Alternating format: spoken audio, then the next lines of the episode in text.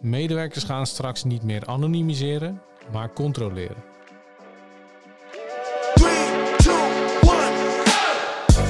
Hallo, leuk dat jullie luisteren naar deze aflevering van BCT Talk. Mijn naam is Marcel Mertens en ik ben product marketeer bij BCT. Vandaag aanwezig is Leonard van der Leden, ondernemer van Datamask en jurist gespecialiseerd in gegevensbescherming. Ja, bedankt Marcel. Leuk om hier te zijn.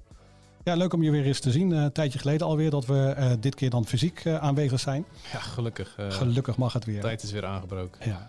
Ja. in deze derde aflevering gaan we wat dieper in op anonimiseren, oftewel ook wel zwart lakken. Het, het waarom, de noodzaak daarvan ehm, en wat er zo mis kan gaan met anonimiseren.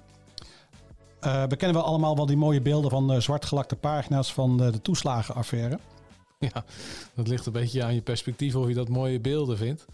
Ja, en die waren voornamelijk uh, zwart, uh, inderdaad. Ja, dat, dat werd ook meer algemeen bekend bij, bij de mensen. Maar dat werd al veel vaker gedaan, hè? Het, het, het zwart lak. Ja, exact. het is iets ja, wat van oudsher gebruikt wordt om bepaalde delen af te schermen voor het publiek. En ja, dat levert natuurlijk ook nogal wat negatieve reacties op. Ja, en uh, genoeg voorbeelden ja, ja. van te geven. Ja, zeker deze ene keer. Want uh, als je zag de pakken daar wat, uh, wat zwart waren. Van, uh, ik ben best wel benieuwd hoeveel uren daar een ambtenaar op gezeten heeft. Ja, dat, dat, ligt er maar een beetje aan hoe serieus ze het werk hebben genomen. Hè? Want ik kan me die dossiers van die toeslagenouders nog wel herinneren. Dat was gewoon meer zwart dan wit. En ja, dan kan je ook afvragen of ze heel kritisch zijn geweest bij het hanteren van alle regels die er zijn ten aanzien van anonimiseren. Of dat ze gewoon hebben besloten, uh, laten we die pagina's maar in zijn geheel zwart maken. Ja. Um, ja, ja, vandaar ook een beetje ook mijn, uh, uh, mijn uitnodiging om eens in deze BST-talk te zitten. Van, van heel veel mensen kennen dat wel het, het zwartlakken, het anonimiseren. sommigen verwarren het met pseudonymiseren. maar voor mij is aan, naar jou de vraag van, van als je nou het zou moeten samenvatten. Hè, wat komt nou kijken bij een goed geanonimiseerd document? Ja, dat is uh, denk ik uiteindelijk een product van uh, drie of vier verschillende aspecten die uh, aan bod komen bij het anonimiseren. uiteindelijk begint het natuurlijk bij een reden, een grondslag op basis waarvan je besluit te gaan anonimiseren. Dat kan een verplichting zijn uit verschillende wetgevingskaders. Uh, denk bijvoorbeeld aan uh, de wet openbaarheid van bestuur, hè, de, de, de WOP. De, de WOP, maar ja. die, uh, die dan ergens, ergens een keer overgaat in de, in de wet open overheid. Hè? Ja, exact. dat zal 1 mei 2022 zijn, waarin de, officieel de WOP niet meer zal bestaan. Um, en ja, dat is één van de voorbeelden. Er zijn nog veel meer voorbeelden te noemen. Denk aan de wet elektronische publicaties, 1 januari 2023, waarin die van toepassing zal zijn.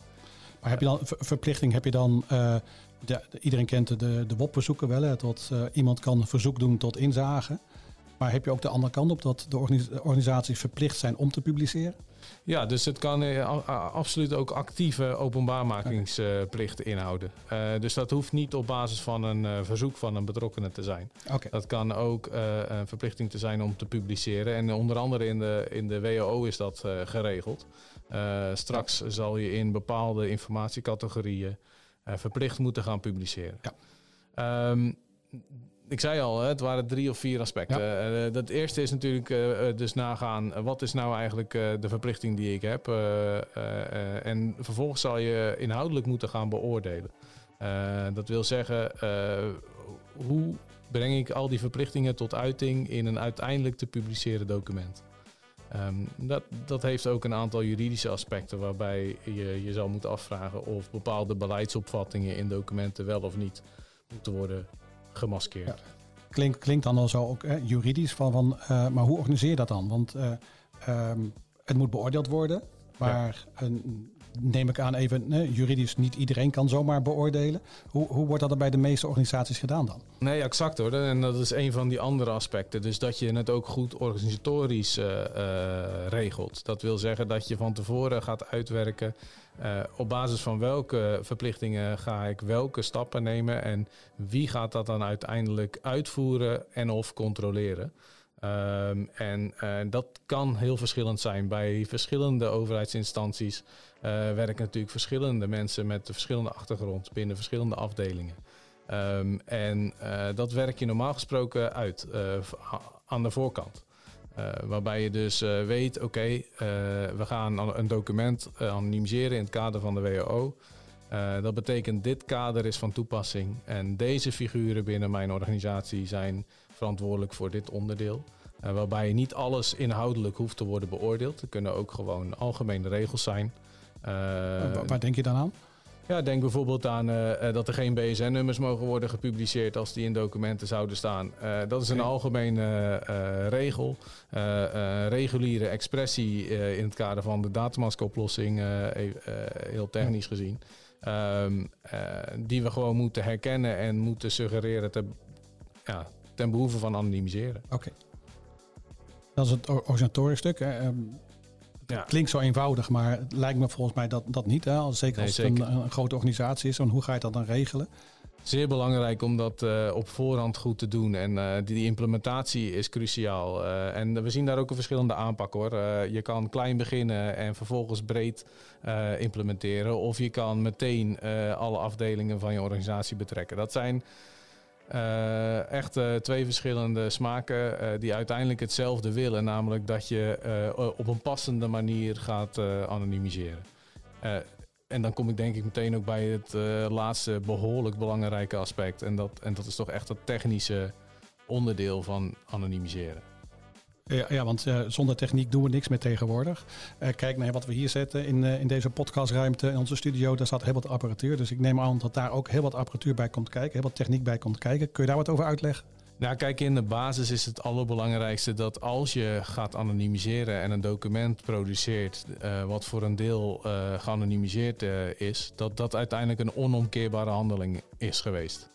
En wat bedoel je met on onomkeerbaar? Ja, dat is een lastig woord, maar uh, het komt er eigenlijk op neer dat je nooit terug moet kunnen uh, redeneren naar het resultaat wat er ooit stond. Uh, dat, dat betekent dus dat je niet allerlei technische manieren moet hebben of vinden om uiteindelijk dat ene vlak wat je hebt willen afdekken weer tevoorschijn te toveren. En ja, dat is een technische uitdaging. Dus even als, als, als voorbeeld, uh, iedereen kent wel ja, Adobe Reader, hè, mm -hmm. maar je hebt ook Adobe Professional. daar kun je ook in zwart lakken. Uh, is dat dan een goed zwart gelakt document? Nou ja, zonder allerlei uh, concurrenten te willen zwart maken. En dat past wel in dit kader, denk ik. Ja. maar waar het in de basis om gaat, is dat je zorgt dat er geen twee lagen worden gecreëerd. Dat bedoel ik te zeggen. Ja. Dus het mag niet zo zijn dat de tekstlaag wordt afgedekt door een visuele laag. Want uiteindelijk is het dan terug te redeneren. Ja. Dat is echt wel een basistechniek die moet worden voorzien. En, en we zien in de praktijk daar heel veel problemen mee. Er worden gewoon veel niet geschikte tools gebruikt om, om te lakken. En dan zitten daar uren werk van mensen die inhoudelijk ongetwijfeld bijzonder goede afwegingen hebben gemaakt. Maar vervolgens een tool gebruiken die ervoor zorgt dat je nog op hyperlinks kan klikken. Wat ooit e-mailadressen waren. Uh, waarmee oh je dus die mensen die je hebt willen aflakken nog een e-mail kan sturen. Ja, dat soort uh, voorbeelden. Uh, ja. ja. die zijn legio en dat is niet vrij. Hey, voordat we hier aan de deze tafel zaten, hadden we het er ook al kort over. Hè? De, de impact van uh, het organisatorisch stuk, hè, wat richting de techniek gaat, is het, het, thuiswerken. Wat we de afgelopen jaren, twee jaar hebben moeten doen. Ook daar de impact op anonimiseren. Je had een mooi, een mooi voorbeeld die ik me nog kan herinneren. dat mensen thuis een printer kregen, daar een document uitprinten, met een zwarte stift echt gingen zwart lakken en dan weer inscannen. Ja. Klinkt allemaal heel, ja, heel, heel noem dat nou, goed georganiseerd. Van ja, we moeten snel wat doen, dus we doen dat zo. Maar daar komt ook wel bij kijken. Nou, kijk, het is natuurlijk het is, het is een soort van schattig zelfs. Hoe dat dan eigenlijk op een, uh, op een wat uh, ja, uh, geïmproviseerd wordt. maar, wel, maar, wel, maar wel het, het snel en, en, en adequaat kun je misschien na de hand zeggen van wat is zo adequaat. Maar het is wel, ik vind wel een, een, een iets hebben van pragmatisch. We moeten wel door. Het, het, ja. Uh, dit verzoek moet wel gehonoreerd worden. Dus we kunnen dan niet weken wachten. Dus we gaan ja, nee, de intenties zijn goed. Hoor, de intenties zijn goed. Ja. Uh, maar de, de gevolgen zijn best wel uh, heftig. Als je nadenkt over nou, niet alleen de aanschaf van apparatuur en, en de, de, de gevolgen voor, voor het milieu, et cetera.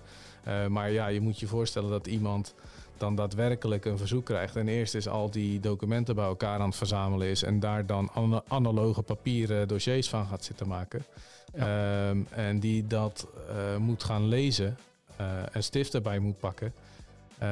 die, ja, al die pagina's af moet gaan naar gevoelige data, die moet stiften. En in de praktijk komt dat vaak ook neer op nog een keer stiften aan de andere kant van het papier, omdat de inkt doordrukt. Uh, en dat zie je dan bij, bij inscannen, dan tot je toch nog de, het, het kon lezen. Dat, dat ja, precies, dat herinner ik me wat jij nog zei van de week. Ja, dat probleem. En, en eigenlijk uh, komt het voort uit gewoon... Het is niet eens een thuiswerksituatie bij veel gemeenten waarvoor we mogen werken. is dit nog steeds de praktijk? Um, er wordt geanonimiseerd op basis van eerst printen, dan lakken, dan scannen. Eventueel nog een keer printen, nog een keer lakken en dan scannen en dan versturen. Ehm, ja, dat heeft aardig wat gevolgen ook op ten aanzien van toegankelijkheid van die documenten natuurlijk. En, en de archivering daarvan. En denk, ja, ik denk dat er genoeg uh, vuilnisbakken zijn gevuld met uh, dossiers. Dat zou heel goed kunnen, ja. Dat is, dat is het gevaar wat je dan, dan krijgt. Maar aan de andere kant gaan we even door naar volledig technisch. Hè, van, de techniek is de, dusdanig, ook die jullie gebruiken, artificial intelligence en, en, en artificial learning, noem het maar op. Maar volledig 100% door een systeem laten lopen, hoe kijk je daar tegenaan? Ja, dat is ten eerste niet wat we doen. Uh, want, uh, en ook niet waar we achter staan. Uh, we willen geen automatische besluitvorming laten plaatsvinden door kunstmatige intelligentie. Want je, want je, kan of te weinig of ook te veel. nou, exact. En heel veel zaken zullen worden gevonden. Hè. Denk aan, aan het vinden van namen. die zijn relatief nou ja, te herleiden. Hè? En, en, en vaste patronen zeker, handtekeningen, daar zijn allemaal technische oplossingen voor. Uh, maar je moet je indenken dat de beschrijving over Marcel uh, uh, als die buurman op de hoek met die grote hond ook herleidbaar is tot Marcel zonder dat jouw naam erbij staat. Ja. En dit soort voorbeelden die kunnen wij niet vangen op dit moment in de techniek. En uh, daarvoor hebben we altijd nog de inhoudelijke betrokkenheid van de medewerker nodig. En die moet gewoon uh, heel goed ondersteund worden in het uitvoeren van zijn werkzaamheden. Dan kom je weer terug op de organisatie. Hè? Je moet goed georganiseerd zijn met de juiste capabele mensen. Die, die, die ook de context kennen van dat verzoek. Ja, exact. En uh, die techniek moet eigenlijk dat doen wat die medewerker niet zo goed kan. En andersom moeten ze elkaar aanvullen. Daar waar de techniek tekortschiet of misschien een inhoudelijke juridische beoordeling moet maken, daar moet de medewerker de techniek ja. corrigeren of aanvullen. Dus wat, zoals van, de techniek ondersteunt de, de beoordelaar, maar de beoordelaar maakt gebruik van de techniek om zijn werk uh, efficiënter en, en uh, ja, efficiënter te maken. Ja, dat is, dat is een goede samenvatting. Kijk, je moet je voorstellen, wij als mens zijn gewoon niet gemaakt om allerlei repeterende taken te doen. Geef ik jou een stapel documenten met 100 pagina's en, uh, en daarin staat 99 keer Leonard van der Leden dan weet ik eigenlijk nu al zeker dat jij een aantal keer Leonard van der Leden gaat missen in die tekst. Ja, dat denk ik ook. En dat gaat de techniek niet gebeuren. Uh, nee, maar de techniek kan wel, uh, uh, even zeggen, Marcel de Visser gaat vissen, iets in die geest. Zo'n combinatie hè, van wat, wat de computer misschien denkt van hé, hey, dat zijn twee namen. Uh, is het in de context al heel anders. Ja, exact. En dat is ook de ontwikkeling van de artificial intelligence daarin. Hè. Er zijn natuurlijk genoeg zelfstandige naamwoorden die worden gebruikt als achternaam. Ja. Um, en uh, ja, daar, daar uh, geldt gewoon voor dat die techniek een lerend principe moet hebben. Dat die daar in de toekomst steeds beter mee omgaat. En dat is eigenlijk ook het proces wat bij ons dan plaatsvindt. En waar met name de technici van Datamas zich heel erg druk mee houden. Ja, dus ook weer, weer, weer terugkomen. Hè. de techniek ondersteunt de beoordelaar. de beoordelaar kan zijn werk goed doen als die goed georganiseerd is. en dan komt het van juridisch onderbouwd is. Ja. Zeg ik het zo goed? Ja, exact. En uh, die juridische beslissingen die kun je vervolgens weer laten terugkomen in het document. Zodat de ontvanger van die documenten ook heel wat meer transparantie heeft. En je voorkomt dat de toeslagenouders niet weten waarom er is geanonimiseerd. Uh, je kan prima laten weten wat de reden is van anonimiseren als je zegt dit is de naam van de ambtenaar. Uh, die we niet willen delen of niet mogen delen vanwege de bescherming van de persoonlijke levenssfeer van ja. die ambtenaar. Maar het geheel zwartlakken van die pagina, omdat toevallig de naam van de ambtenaar ertussen staat, dat lijkt me niet zo gepast. Nee. Dus dat is weer de, de, de samenspel tussen al die factoren, hè, eh, juridisch, technisch, uh, organisatorisch um, en het, het beoordelen zelf. Uh, dat, uh, als je dat goed voor elkaar hebt, dan, ja, dan heb je eigenlijk meer dan het halve werk gedaan, neem ik aan. Ja, dan ben je er eigenlijk al, hè, zou je zeggen. Ehm, Maar, wie, wie, controleert dan wie? Nou, dat is een heel uh, belangrijk thema. Um, kijk, wat eigenlijk de volgorde van, uh, van de oplossing van Datamask is, is dat we in eerste instantie de, de organisatie goed neerzetten. Um, en dat betekent dat op het moment dat iemand een document aanbiedt aan de oplossing, dat je al een aantal regels met elkaar hebt afgesproken van zo gaan we met elkaar werken.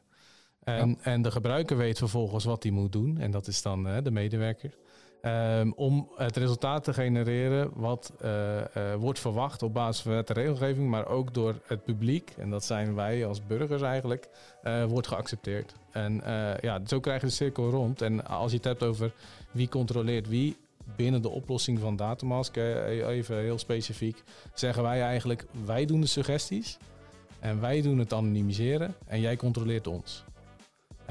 daar waar nodig vul je aan, accordeer je en ja. uh, zo kom je tot het resultaat. Uh, je had het dan net over uh, um, dat nog veel gebezigd werd van dat dossiers en documenten eerst uitgeprint werden, zwart gelakt en weer ingescand en zo weer geregistreerd worden als een elektronisch document, om dan naar de verzoekende partijen gestuurd te kunnen worden.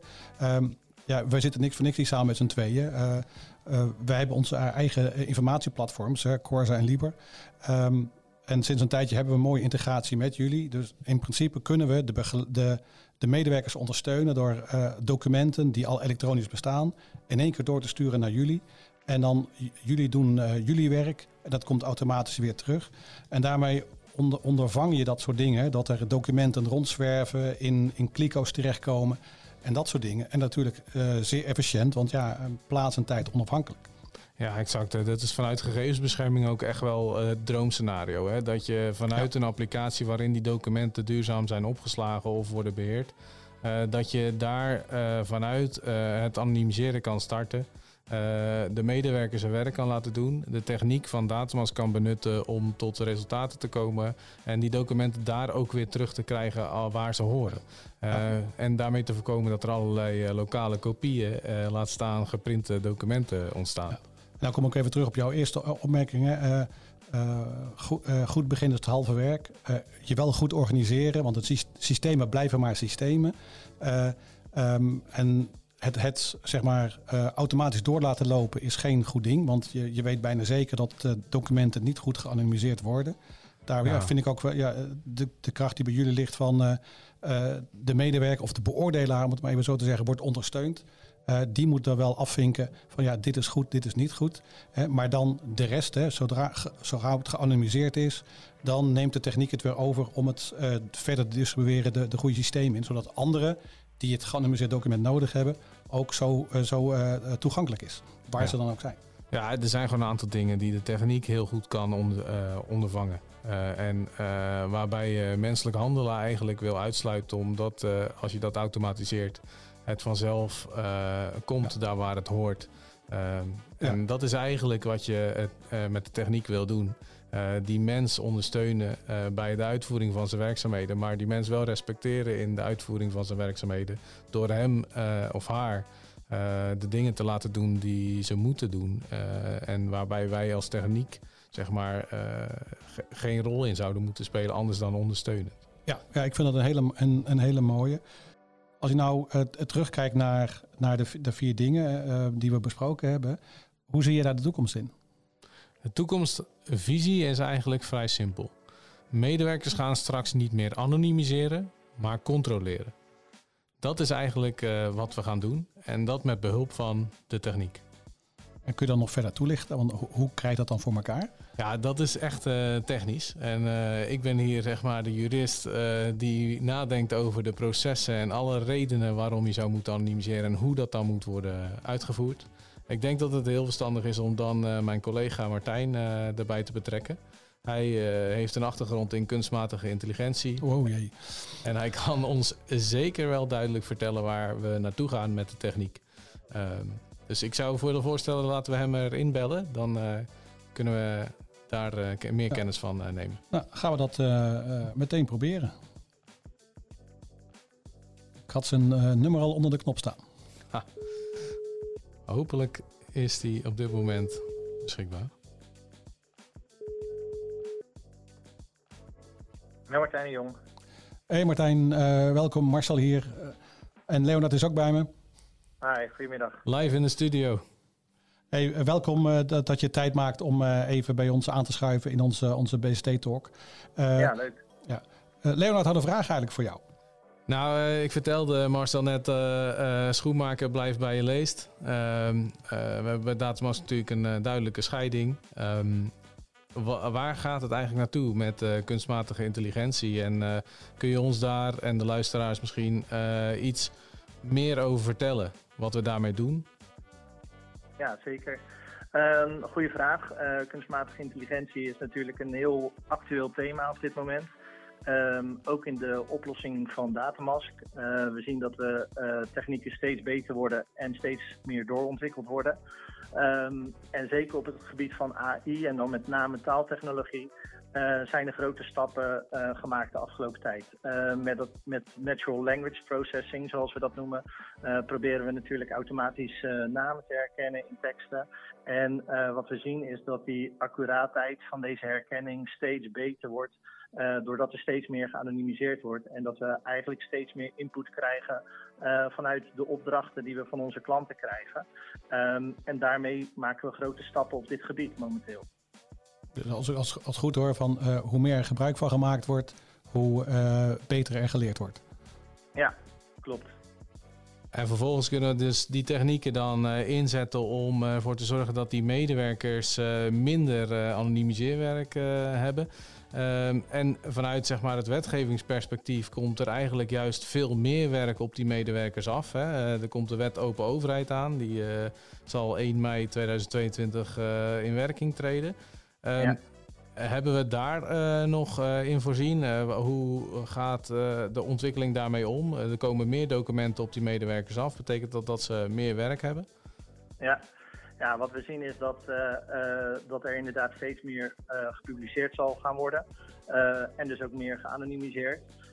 Alleen waar we dan naar kijken is met name hoe kunnen we de herkenning van documenten beter in beeld krijgen. Um, documenten die hebben va vaak een vast format omdat ze binnen een bepaalde informatiecategorie vallen. En uh, met Datamask kijken we dus heel erg naar dat documentherkenningsvraagstuk. Uh, waarbij we eigenlijk uh, die documenten op een vaste manier willen laten anonimiseren. Waardoor die handelingen voor die medewerker steeds minder worden. en dat de software daar eigenlijk ondersteunend in is. En dat je eigenlijk sneller en eenvoudiger je document vooraf moet kunnen anonimiseren. Dat is wat je al eerder zei, Leonard, in het begin. Hè, van de, de techniek moet ondersteunend zijn aan, de, aan degene die het doet. Ja, exact. En uh, Martijn maakt dan nu uh, de koppeling met documentherkenning. waarbij in de WOO staat dat je in bepaalde gevallen zal moeten gaan, gaan publiceren.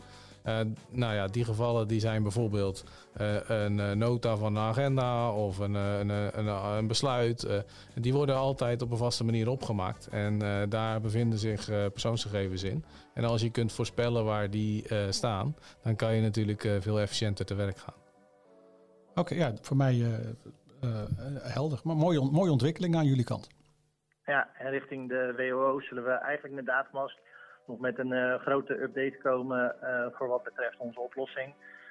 en daar zullen we in een latere fase op terugkomen en iedereen daarover informeren. Dus neem gerust nog eens contact op tegen die tijd. Ja, we hebben maandelijks onze, onze BSD-talk. Dus graag als je een, wat hebt, laat het weten. En dan, dan laten we het onze volgers ook weten. Absoluut, graag gedaan. Hé hey Martijn, dankjewel. Martijn, okay. groeten. Tot ziens. Nou, toch een leuke, leuke techniek ook hier. Hè? Met een druk op een knop uh, haal je zo Martijn erbij. Leuk uh, om hem ook weer eens te, gesproken te hebben. Nou, ik denk voor mij een mooi stuk. Ehm, we hebben allerlei facetten besproken over ja, zwartlakken, anonimiseren. Um, maar je had het zo straks ook nog over, voordat we hier naar binnen stapten, over pseudonymiseren en maskeren. Ja, je dat moet misschien? Uh, een beetje opletten met uh, de woorden die je gebruikt inderdaad in dit, in dit kader. Hè? Want zwartlakken is natuurlijk gewoon de volks, in de volksmond. Ja. dat kennen we allemaal. anonimiseren, daar hebben heel veel mensen nog moeite mee om dat überhaupt uit te spreken. Laat staan pseudonymiseren. Nou, pseudonymiseren is eigenlijk een andere maskeringstechniek dan anonimiseren. Heeft ook andere gevolgen. Uh, misschien dat we daar een andere keer uh, bij kunnen stilstaan. Maar wat wel belangrijk is om te zeggen is... anonimiseren doe je alleen met persoonsgegevens. Ja. Uh, je kan alleen mensen anoniem maken. Um, en maskeren, dat doe je met andere type gegevens. Dus denk aan beleidsopvattingen van ambtenaren. Ja, die kan je maskeren. Of kosten, die maskeer je. Die anonimiseer je niet. Maar dat is... semantiek. ja, ja, exact. En ja. ja. goed, daar gaan we niet over vallen vandaag, denk ik. Hè. Oké, okay, uh, dankjewel. Ik wil uh, gaan afsluiten. Uh, dankjewel luisteraars voor het luisteren. Uh, voor mij kort samenvatten van zwartlakken, dat, dat was zwaar werk, maar dat is of wordt geen zwaar werk meer. mits je aan de grondbeginselen voldoet. Als ik jouw woorden um, citeer, Leonard, zorg dat je juridische grondslag goed is, zorg dat je de beoordelaars goed hebt, je organisatie goed hebt en zeker ook je techniek goed hebt. Um, en de integratie goed hebt uh, tussen platforms. Uh, om geen uh, papieren, papieren versies rond te hebben laten slingeren. Laat systemen voor je werken. ik vind dat een, een hele mooie afsluiting. Laat systemen voor je werken. Um, in, in de volgende aflevering zullen we het hebben over de toegevoegde verhalen van mobiele apps en het verschil tussen apps en, en webapplicaties. Het lijkt hetzelfde, maar het is het toch echt niet. Uh, daarvoor uh, heb ik uh, Frank Dijkstra, onze productmanager, uitgenodigd. Um, dat zal over een maand zijn. voor nu wil ik Leonard hartelijk bedanken en Martijn voor hun bijdrage voor deze aflevering over zwartlakken is, is of was zwaar werk. Leonard, dankjewel. Jullie ook bedankt en jij ook bedankt Marcel. En ik zal de volgende keer ook zeker weer luisteren naar de BCT Talk. Oké, okay. hey, dankjewel. En luisteraars, bedankt voor het luisteren. Top dat je weer geluisterd hebt naar een aflevering van de BSD Talk podcast. Wist je dat je heel simpel een review kunt achterlaten om te laten weten wat je van deze podcast vindt? Ga naar je podcast app en klik op reviews. Laat bijvoorbeeld 5 sterren achter en als je wilt ook nog een geschreven review. En wil je voortaan alle nieuwe afleveringen van deze podcast overzichtelijk onder elkaar? Abonneer je dan op deze podcast. Klik hiervoor in je podcast app op de button subscribe en je ontvangt automatisch een berichtje als er een nieuwe podcastaflevering is verschenen. Vind je deze aflevering nu interessant en ken je iemand die dit wellicht ook interessant vindt, dan zou ik het waarderen als je deze podcast deelt. En ben je door deze podcast enthousiast geworden? Bezoek dan ook eens onze website op bstsoftware.com. Dat is dus bstsoftware aan elkaar vast.com. Nogmaals bedankt voor het luisteren en graag tot de volgende keer.